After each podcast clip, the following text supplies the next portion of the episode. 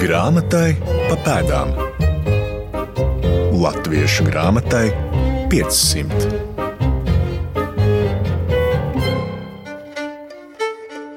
Ir 18. gadsimts, pasauli pārņem apgaismības idejas, vētras un dziņas literatūrā. Filozofa Imants Kanta izpratnē cilvēka autonoma spriestspēja ir cilvēka pilngadības sasniegšana. Franču un britu filozofiskajā tradīcijā 18. gadsimtā jēdzieni kultūra un civilizācija tiek lielā mērā lietoti kā sinonīmi. Savukārt Johans Gotfrīds Herders postulē, ka kultūra ir konkrētai tautai raksturīga iezīme, un kultūra pastāv to unikalitātē un dažādībā kā dārzā esošu augu daudzveidība. Ir 18. gadsimts, un vidzemē no Halles tiek izrakstīts mācītājs Dāvids Kristiāns Lens, kuram vēlāk klajā nāks prediķu grāmata latviešu valodā. Viņu sauksim par veco Lencu. Savukārt viņa dēls, cesvainē dzimušais dzinieks un rakstnieks Jākops Mihails Reinholds Lens, jaunais Lens, ir pazīstams vāciskajās zemēs arī šodien, jo viņa darbus 20. gadsimtā aktualizēja Brechts, mūzikā Cimermans, kura operu pēc Lenca darba zaldāta iestudē arī mūsdienās, piemēram, 2012. gadā Zaldzburgas festivālā zaldātus iestudēja režisors Alvis Hermanis. Un šodien mums priekšā ir 18. gadsimta rokraksti. Lenca vēstule Gētam, Lenca vēstule vecākiem, Herdera vēstule Lencam, Lafatēra vēstule Lencam, iespiedarbi, vecā lences prediķu grāmata un vēl kāds plāns izdevums, par kuru būs īpašs stāsts. Un tā ir iespēja ieskatīties Lencijānā, Lencu ģimenes arhīvā, kas glabājas Rīgā, un turpat blakus apliecinājums arī Vācijas mūsdienu attieksmē pret Lencu, viņa darbu faksimilu izdevumi un darbi un vēstules trijos sējumos. Savukārt latviešu valodā izdotas Lenca piezīmes par teātri un Luga Aumeistars jeb māju audzināšanas priekšrocības Beātas Paškēvicas un Valda Bisnieka tulkojumā. Esam Latvijas Universitātes akadēmiskās bibliotekas rokrakstu un reto grāmatu nodaļas lasītavā, kopā ar nodaļas vadītāju Āju Taimiņu, pētnieci Beātu Paškēvicu un Gētes institūta Rīgā direktoru vietnieci Gizelu Vālu. Ir laiks sākt ar kādu tekstu. Lens raksta piezīmes par teātri. Atklājam tekstus! Jā, mēs šeit varētu lasīt vienu īsu fragmentu Lens raksta. Taču atstāsim latīņu nodaļu, itāļu varoni bez vīriskuma un tam līdzīgi. Bet, ja Orfejs pašu treigalvaino cerberu noveda tik tālu, ka tas nedrīkstēja nepapīkstēt, vai tad dziedonis vai dziedone to neiespētu ar visniknāko mākslas soģi. Doch lassen wir das lateinische Departement. Sie werden im italienischen Helden ohne Mannheit und dergleichen da aber Orpheus den dreiköpfigen Cerberus selbst durch den Klang seiner Leier dahin gebracht, dass er nicht hat mucksen dürfen, sollte ein Sänger oder Sängerin nicht den grimmigsten Kunstrichter? Ich öffne also das vierte Departement und da erscheint, ach, schönes Spielewerk, da erscheinen die fürchterlichsten Helden des Altertums. Der rasende Oidip, in jeder Hand ein Auge un ein großes Gefolge griechischer Imperatoren. Es tad nu veru vaļā ceturto nodaļu, un tur parādās ak, skaistie māži. Tur parādās visbriesmīgākie antīkie varoņi, trakojošais oidips katrā rokā acs un vesela svīta grieķu imperatoru, romiešu birģermeistaru, ķēniņi un ķeizari, glīti safrizēti un zīda zeķās, amizējas ar savām madonnām, kuru sastīpotie brunči un baltie nēsdodziņi salauztu sirdi katram kristīgam cilvēkam, visgalantākajos izteicienos par viņu liesmu stiprumu. Viņi miršot, pavisam noteikti un neizbēgami būšot spiesti izlaikt garu, ja viņas ne Es pat nedrīkstu te ilgi prātuļot, kādi meistari priekš šīs skatuves ir strādājuši, kādi lieli aktieri uz tās parādījušies. Visu viņu sarakstu nolikt jums priekšā man ir pat vēl grūtāk nekā vecajam labajam Homēram bija lūkšus salūkt kopā grieķu un trojiešu guten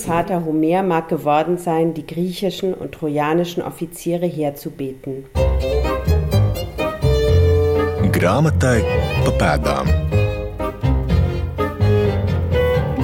Nu tā, te ir vēstules, kas ir rakstītas Lencam no, ci, no citām personām. Te ir viņa paša. Jā, nu jā, ir vēsture gēta. Ir, ja? Nu, re, tie Anzaimens Hāter ir. Tēvam, jā. Gētam bija šeit. Tas, tas Vecākiem? ir, tas, tas ir vecākiem. Ah, jā, tas bija tas skaistais vecākiem. Jā, Bet, nu, paskatīsimies vispār. Daži fakti no Lenca dzīves. Cesvainē dzimušais Jakobs Mihēls Reinholds Lents dzīves gadi 1750-1792. Jaunībā bija Gētes draugs, apdāvināts dzēnieks, vērā ņemams dramaturgs un reizē pārāk impulsīva, traģiski sašķelta personība. Lenca neprognozējamība viņu ātri atsvešina no gētes, neļauj ilgstoši palikt Veimārā. Stāstu Reinholds Lents viņam 1927. gadā veltījis Līgoņu jēkabs, drāmu par Lencu, bija jau iecerējis Jānis Poruks, kurš Gētas Faustu ietekmē rāda Lencu, šaubu un bēdu sagraustu, sēžam uz Cesvēns baznīcas kāpnēm.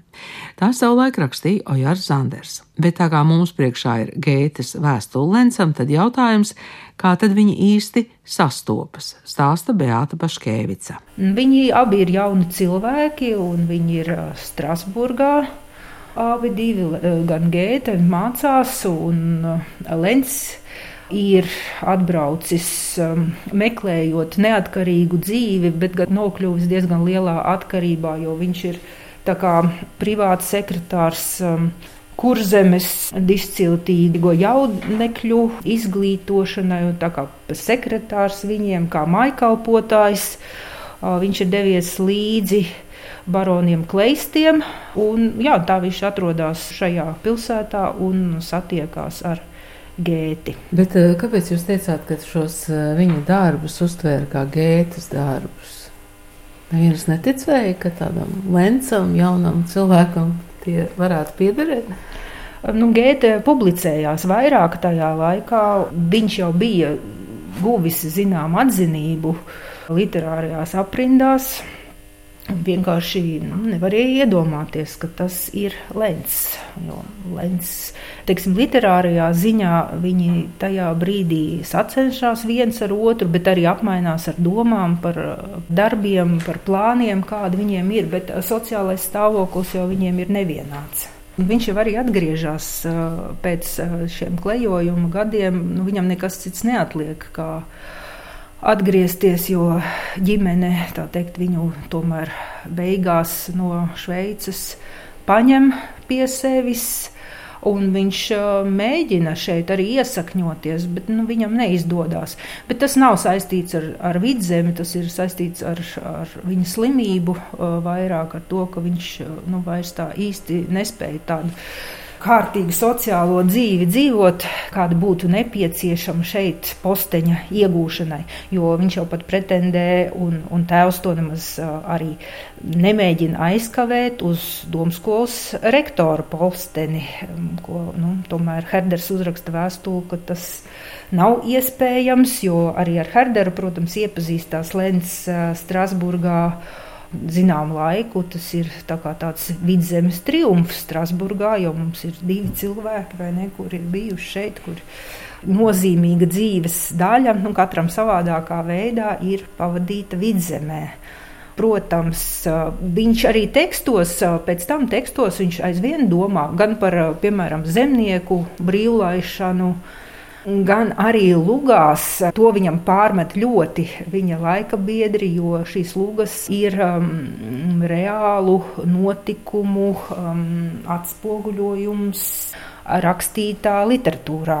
Tā kā tas uh, laika biedri nebija sajūsmā. Ja? Laika biedri nekādā gadījumā nebija sajūsmā par to, ka viņš uh, nu, jā, ir gaismā cēlis eh, tos skandālus, kurus eh, gribētos noslēpt no citu acīm. Eh, bet nu, iespējams, ka viņā vispār ir šīs visas pasaules skumjas ienākušas. Tas atspoguļojas viņa tekstos, un viņš vienkārši savādāk nevar kā redzēt to īstenību arī tādā skaudrajā realitātē, kāda dažbrīd ir un, un ļoti bieži ir.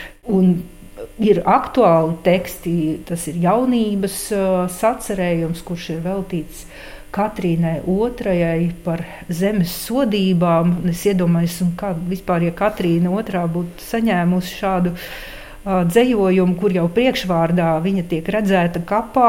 Ja, lai gan, protams, no otras puses, jā, tas, tas ir tik briesmīgi. Mēs nevaram iedomāties, kā tu gulētu tajā kapā, bet tomēr tas kaps tur ir klāt. Jā, un tad sākās teksts par zemes sodībām, par kara šausmām. Ir pirmā daļa, kas nu, jā, arī šodienas kontekstā nu, liek kaut kā šarmuļiem pāriet pār kauliem, jo apraksti ir naturālistiski šajā dzējojumā. Tad, protams, arī par bādu un nu, visām tām Eģiptes sodībām, kuras tiek aprakstītas šai skaistajā heksametru formā, tātad veidotajā eposa stilā dziedājumā. Artefakta gaismā. Šodien mūsu uzmanība pievērsta pazīstamākajam Baltijā dzimušajam vācu dziniekam Jakobam Mihēlam Reinholdam Lencam, kura darbi mūsdienās tiek izdoti Vācijā enciklopēdiskā izdevumā Handbuch Lenz. Lencu ģimenes arhīvs Lenciāna glabājas Rīgā, Latvijas Universitātes akadēmiskajā bibliotekā, un Aija Taimiņa uzskata, ka ir jāsaka arī kāds vārds par Lenca tēvu, kas savukārt ir pazīstamāks ne Vācijā, bet vidzemē. Jo tas būtu gluži netaisnīgi, ja dēlu pieminot, kaut gan viņš ir ārkārtīgi interesants un saistošs persona, nepieminot viņa tēvu, kas bija viens no respektējamākajiem vidzemes garīdzniekiem tajā laikā, labos amatos, godāts, ražīgs, kā literāts, daudz darījis, lai, jā, lai vidzemes garīgā dzīve pieņemtu gaišākas, skaistākas, spilgtākas formas tā skaitā latviešu draugzēs. Nu jā, bet par latviešu sprediķiem, ko rakstījis vecais Lens un runājis ar barakam raksturīgu patos, mūsu laikos mēs zinām mazāk. Nu, to zinās valodnieki, un to zinās literatūra vēsturnieki, un to zinās novatpētnieki varbūt. Bet katrā ziņā viena situācija vecā lēns dzīvē gan ir pieminama, manuprāt, jo neliela brošūra, neliela grāmatiņa kas ir nodrukāta 1754. gadā. Un kāds ir šīs grāmatiņas tapšanas iemesls? Tas ir ļoti skumjš un traģisks iemesls. Pirms sešiem gadiem, 748. gadā, 3. augustā, Cēsu pilsētu pārņem ugunsgrēks, un tā ir liela nelaime. Un cēsnieki ir izmisumā un postā, un pēc nedēļas netālās mūsu izpratnē, bet īstenībā visai tālās cēsvainas mācītājs ir savācis cēsniekiem palīdzības ziedojumus un dodās uz cēsu pilsētu. Sniegt gan tādu materiālu atbalstu, gan arī savu kā gana mierinājumu un atbalstu. Jā, un tad viņš tiek uzaicināts teikt sprediķi. Un šis sprediķis ir atstājis tik spilgtu un tik spēcīgu iespaidu, ka tas nu, ir tapis vēl pēc sešiem gadiem iespiests. Tomēr sprediķis ir visai, negribās teikt, divdomīgs, bet sarežģīti uztverams, jo godājumais mācītājs Lens izpostīts pilsētas baznīcā runādams uz draugu, kur ir tik daudz cietusi, gan tur ir bojā gājuši cilvēki. Viņš saka, vismaz 40 cilvēku, un varbūt pat vēl. Tur ir izpostīts mājas un sagrūvuši nami, un pat baznīca nav lietojama, tā ir nokūpējusi par ko viņš runā. Viņš runā par dievu sodību. Viņš salīdzina cēsu pilsētas postu ar Jeruzalemes bojāēju. Nu, viņš kā baroku mācītājs, kā pietists, vispirms mierina, bet viņš norāda arī, ka dievu sots laikam tomēr pār cēsu pilsētu ir nācis, un šīs dusmas ir jāvar saprast. Un jāsaprot arī, kas ir tas, par ko cēsnieki šādu dievu dusmību varētu būt pelnījuši.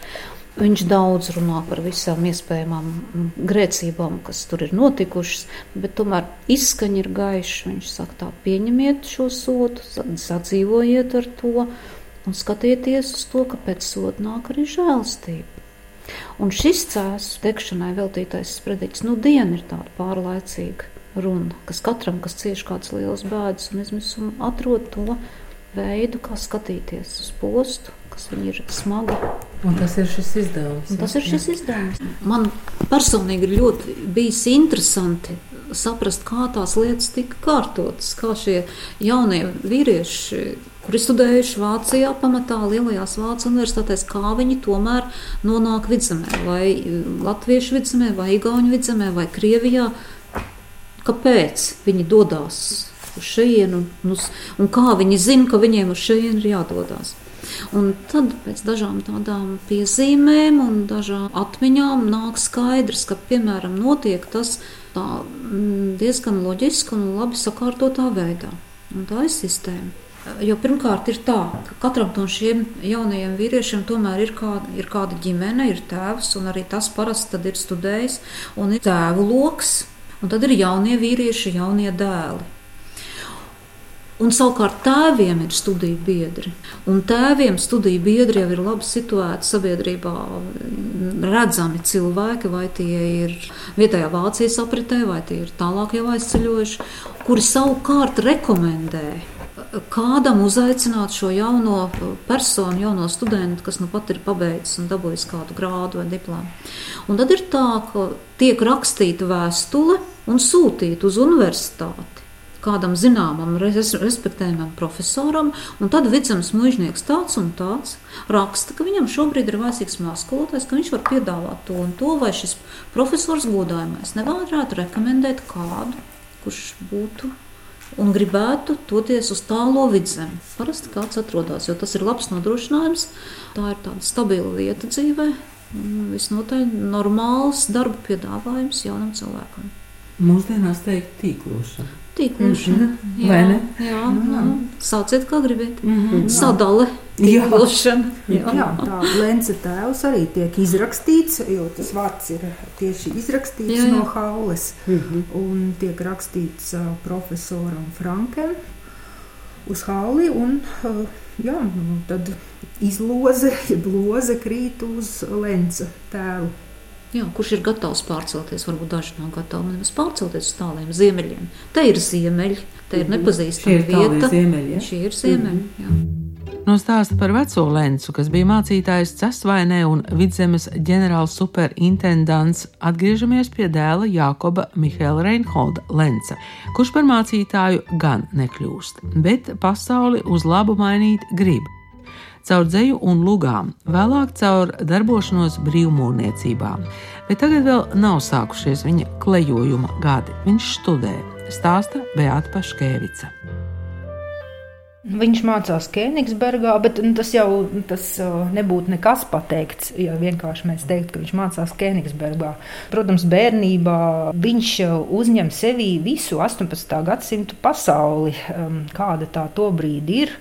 Protams, ka arī tēvs, kā mācītājs, kā mācīts vīrs, kurš vidzemē darbojās, ir čakls rakstītājs. Mēs redzam arī šos biezos sējumus, kas ir tēva autorības darbi, tēvs sprediķi latviešu valodā, un tad arī krusta teoloģijas skaidrojums vācu valodā, kas būtībā nu, arī Eiropā vai pasaulē tā ir zināmākā Lenca grāmata, tieši šī krusta teoloģija pietisma pasaule. Lensam ir viņa viens no tādiem plašajiem pasaules skatījumiem, kurus viņš mēģina ieraudzīt. Protams, arī Kants un apgaismības filozofija, domāšana.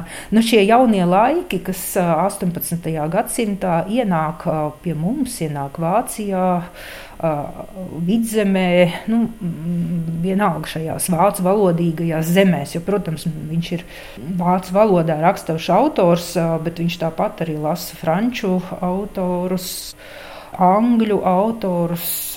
Nu, viss šis plašais skatījums ir viņā iekšā. Ja mēs palasām piezīmes par teātri, tad tur ir atsauču atsauces. Protams, plautu, viņš jau tulko plautu. Arī plautu komēdijas ir viņa tulkojumā izdotas jau viņa dzīves laikā. Tā kā šis lokus ir ļoti cienījams un ļoti plašs. Tas vētru un, un ziņu laikmets vai šturma un dranga. Pie tā pieder gan nesaprastais cilvēks, gan pašnāvība, mēģinājumi. Tas pieder viss pie vētru un ziņu laikmeta. Jā, viņš ir vētru un ziņu laikmetā pārstāvis. Katrā ziņā tā viņš tiek nosaukts arī literatūras vēsturēs. Droši vien tas ir viens no virzieniem, bet, nu, kā jau minējām, varbūt arī tur ir aiziet tas atzars gan uz realismu, uz naturālismu, kas ir piemēram 19. gadsimta beigas, ja, 18. gadsimtā par to vēl tā kā ne ziņas, ne miņas nav. Arī uh, tur mēs varam redzēt viņa tādas izpausmes un impulsus jā, absurda teātris, realisms. Bet, protams, viņu ietekmē arī celsmes literatūra. Nu, piemēram, Džons Miltons, Paradise Lost, ja, ar milzu tām debesu ainām, vai Dantes dievišķā komēdija. Kā, nu, tas viss ir lence kosmosā iekšā. Un kā viņš nokļūst tajā austrumu pusē, aizklejo? Viņš aizklejo no vidzemes uz Pēterburgu, pēc tam atgriežas atpakaļ vidzemē, mēģina šeit nu, dažādās muižās pastrādāt, bet tas viņam arī neizdodas. Jā, un tad darba meklējumos viņš aizklejo līdz Maskavai. Līdz pat Maskavai. Tur viņam nu, tas pēdējais dzīves posms, vismaz tā tiek pieņemts, ka tas ir tāds nedaudz gaišāks, nedaudz mierīgāks, jo viņš satiek labus cilvēkus, kuri par viņu patiešām rūpējās. Un tās ir brīvmūrnieku aprindas. Bet, tā kā Katrīna otrā brīvmūrniekus aizliedz, un viņa labvēlim novikumam vispār jādodas uz cietumu, tad viņš paliek pilnīgi bez iztiks līdzekļiem, bez nekā. Tad ir tās dzīves beigas. Viņš nenomirst ar ģimenes aprūpēts, un tā viņš nomirst vientuļš, nesaprasts, badā, slimībā. Bet uh, viņam ir tāda tieksme uz tādām dažādām slepenām biedrībām. Tā vismaz ir sajūta, palasot par viņu. Kam nav uh, 18. gadsimta tieksme uz slepenām biedrībām? Tā ir modes lieta, brīvmūrniecība. Uh, tā ir plaši izplatīta gan vidzemē, gan arī Krievijā, un, un tāpat arī, protams, Vācijā. Mm, viņi visi droši vien gribēja, um, tad doma ir par uh, pasaules uzlabošanu, par globālu labklājību, par mūžīgo mieru. Tie ir tie lielie skaistie ideāli, kas ir arī Franču revolūcijai. Jā, tādā ziņā gaišākie prāti varbūt tiecās tajā laikā uz to. Un, nu, kur, kur nu bez Lenca? Lenca bija pirmais vienu laiku, kas par to domāja. To mēs arī par to pārliecināmies, lasot viņa piezīmes par teātri, kur viņš mēģina aptvert visu un pilnīgi visas pasaules. Izpētes augsta. Sava 18. gadsimta nesaprastais literāts Lents nodarbina arī citu gadsimtu prātus. Bertolds Brechts 20. gadsimtā aktualizē Lenca Lugu Hofmeisteru, akcentējot sociālos jautājumus. Cimermans uzraksta operu Zaldātu pēc Lenca Lugas, un to iestudē vēl joprojām. 2012. gadā Zaldāta piedzīvoja triumfālu režisora Alvija Hermaņa iestudējumu Zaldzburgas festivālā. Klasikas kolēģiem to vērtēja operas vēsturnieks Mikus Čeže. Šīs operas libreta pamatā ir Jakoba Mihaila Reinholda Lenca lūga zaudāta, un savukārt Lencs nācis no Cesvainas, tātad no vietas, kas mūsdienās, kā zināms, atrodas Latvijas Republikas teritorijā. Un uh, tas ir vienkārši kaut kas tāds, kas Pereiram uh, noteikti arī deva vēl papildus impulsus blakus tam, ka Hermanis ir uh, ārkārtīgi liels talants. Un uh, Hermanis riskēja, varētu teikt, pat uh, divkārši, jo viņš uzņēmās ne tikai režisora, funkcijas, bet arī scenogrāfa funkcijas, un varētu teikt, pilnīgi droši, ka viņš atrisināja arī tās problēmas, kas ir šajā telpā. Tad, tad izjādas e, skolā Klintīs, tāda Felzenraita šūle, kur ir ļoti specifiska telpa, tātad ar skatuvi, kas ir gārā un kur nav īpaši liela iespējas doties pārmērīgi dziļumā, jo dziļums ir šīs klintas jau ar arkām. Un Hermanis atrisināja šajā scenogrāfijā ļoti eleganti. Viņš paņēma arkas principu, kas tipisks ir Zaldzburgai, ne tikai šajā izjādes skolā Klintīs, bet arī, ja mēs, piemēram, ierodamies Zaldzburgas centrālajā stacijā, mēs redzam šādas pašas arkas logos. Starp citu, tās var būt tipisks vispār arī laikam, kurā viņš liekas izspēlēt notikumus šajā operā. Tad Pirmais pasaules karš, un arī mums Rīgā ir daži objekti, kas ir būvēti ap to laiku, vai bišķiņ pirms Pirmā pasaules kara, piemēram, daži um, ugunsdzēsē depo ar līdzīgām arkām. Un ja Cimermans definē, ka viņa darbības laiks ir gestern heute morgen, tātad vakar, šodien, rīt, tad Hermans faktiski to varbūt definē, ka šī izrāda varētu notikt jebkur. Viņa var notikt, kā Cimermans norāda Lillē un Armantjērā, viņa var notikt Zaldzburgā, Felsenreitšūle, un Hermans arī savā būvētajā scenogrāfijā vēl speciāli mums atstājušot uzrakstu Felsenreitšūle. Tikpat labi varētu arī mēs varētu iedomāties, ka tas risinās viss Rīgā laikā, Pirmā pasaules kara varbūt sākumā vai tā norises gaitā. Bet eh, zaldāts joprojām pasaulē iestudē. Jā, protams, zaudētus eh, arī Aumēsteru šajā Brehta pārstrādājumā iestudē. Tāpat arī pēc Bihnera noveles, vai ne, arī Rīgā Nacionālajā operā bija iestudējums Wolfganga Rīma opera, un zaudāti ir patiešām nu, ievērojama un ļoti mm, satricinoša mūzika. Tas ir Bens Alois Cimermans opera zaudāti pēc Lenca Lugas kuru nu, man bija iespēja redzēt Dresdenes Zempera operā, bet um, Luga tiek uzvesta. Un, nu, tagad arī mūsdienu kontekstā tie briesmīgie noziegumi, izvarošanas, kas, viss, kas notiek, ja, mums tomēr netik tālu no mums. Tur mēs redzam arī šo atspoguļojumu, šo pārlaicīgo, diemžēl, kā ar atspoguļojumu arī Lenca darbos. Mūsu sarunā piedalās arī Gētes institūta valodas nodaļas vadītāja Gizela Vāla, kura ļoti labi runā latviski, bet viņas dzimtā valoda ir vācu. Mans jautājums viņai par to, ar ko tad viņai asociējas Lens. Nu, grūti pateikt, kas man nāk prātā. Es, es zinu, ka viņš pie Gētes paziņa vai draugs, un, un arī viņš nu, kopā ar Lavāteru tur, nu, viņam bija tādā saistībā, bet um, Es neesmu eksperti par viņu, es to nevaru pateikt. Bet, eh, nu, un, protams, es zinu, ka viņš ir dzimis uh, Latvijā, ka viņš šeit uh, arī dzīvoja kādu nu, dzīves daļu, bet um, jā, vairāk īstenībā es nezinu. Mm -hmm. Bet jums ir iespēja to mm -hmm. atdzīvināt šobrīd, jo jūs piesaucat lielo Cīrikas domātāju mm -hmm. milzīgu autoritāti. Tūlīt jūs priekšā būs Lafatēra vēstules draugam. Mm -hmm. Draugam. draugam. Mm -hmm. Bet tie ir rokraksti. Es pat to nezinu. Vai ne? Lafateram, ka tiešām ir liels mm, rokraksts.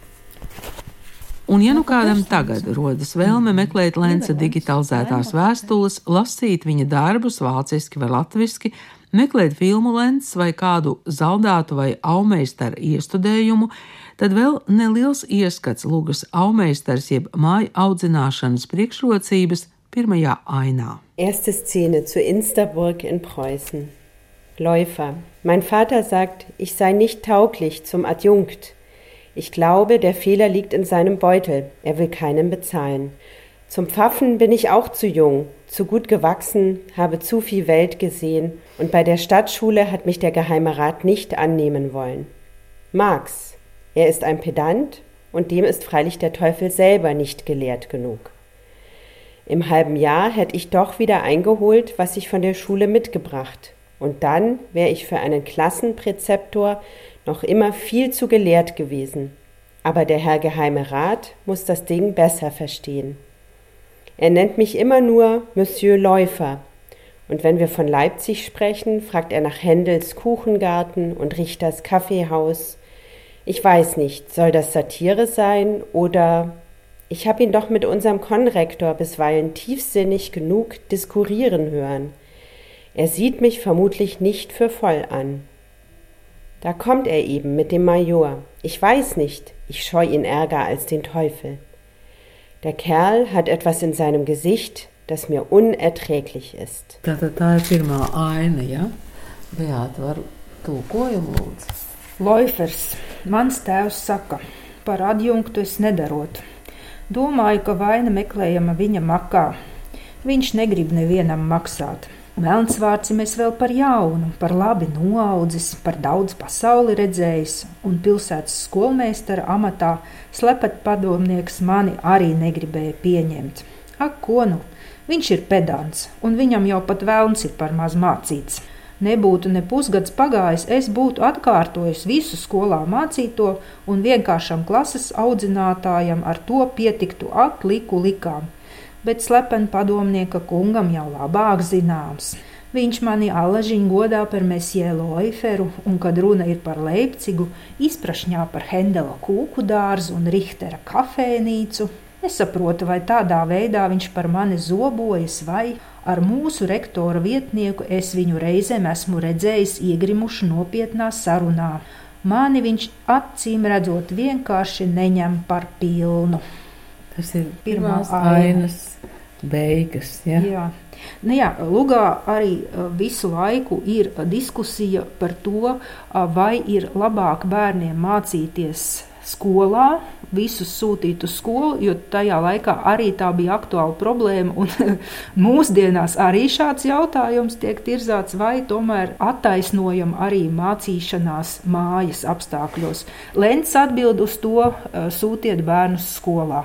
Tomēr, tā ir viņa atbilde. Jā. Jo redziet, kas var sanākt ja, no, šīs, ja no, mācās, no šīs mājmācības, jā, ne, ne mācīšanās īsti.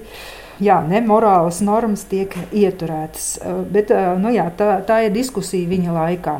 Vidzemnieki viņam ļoti ņēma ļaunā šo lugu, eh, jo gadījums ir bijis slepeni padomnieka Fonberga ģimenē, un Fonberga kungs nav šis vārds mainīts, tas ir atstāts kāds viņš arī lugā ir un kāds dzīvē ir bijis, bet pārējie draugu vārdi ir mainīti, darbojošās personas. Tad 18. gadsimts un Lens, mēs varam teikt, ka tā ir tāda tipiska figūra 18. gadsimtam jaunais. Nu, atbildi kā vienmēr ir jā un nē. Tik tiešām. jā, gan jā, gan nē. Jā. Protams, jā, ja mēs viņu uzlūkojam kā nu, Gētes gara radinieku un vētru un ziņu laikmeta um, spilgtu pārstāvi, uh, tad jā, tas ir 18. gadsimta uh, nu, beigu posma, gara stāvoklis, varbūt kāds uh, tas ir um, intelektuālajā pasaulē vērojams, bet viņš ir arī rādītājs, viens no tādiem spilgtajiem praviešiem.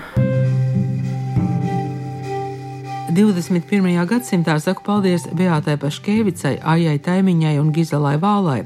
Latvijas Universitātes Akademiskās bibliotekas reto grāmatu un rokrakstu lasītavā viesojās Ingvilda Strautmane, ierakstu montēja Nora Mitspapa.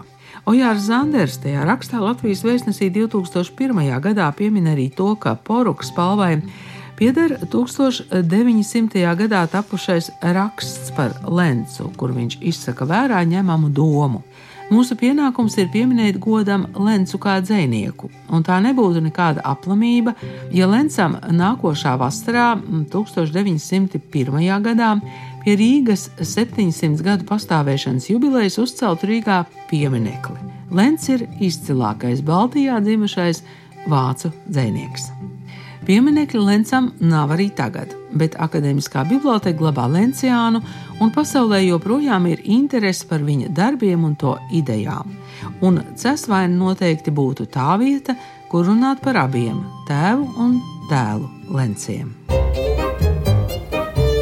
Grāmatai pa pēdām Latviešu grāmatai 500.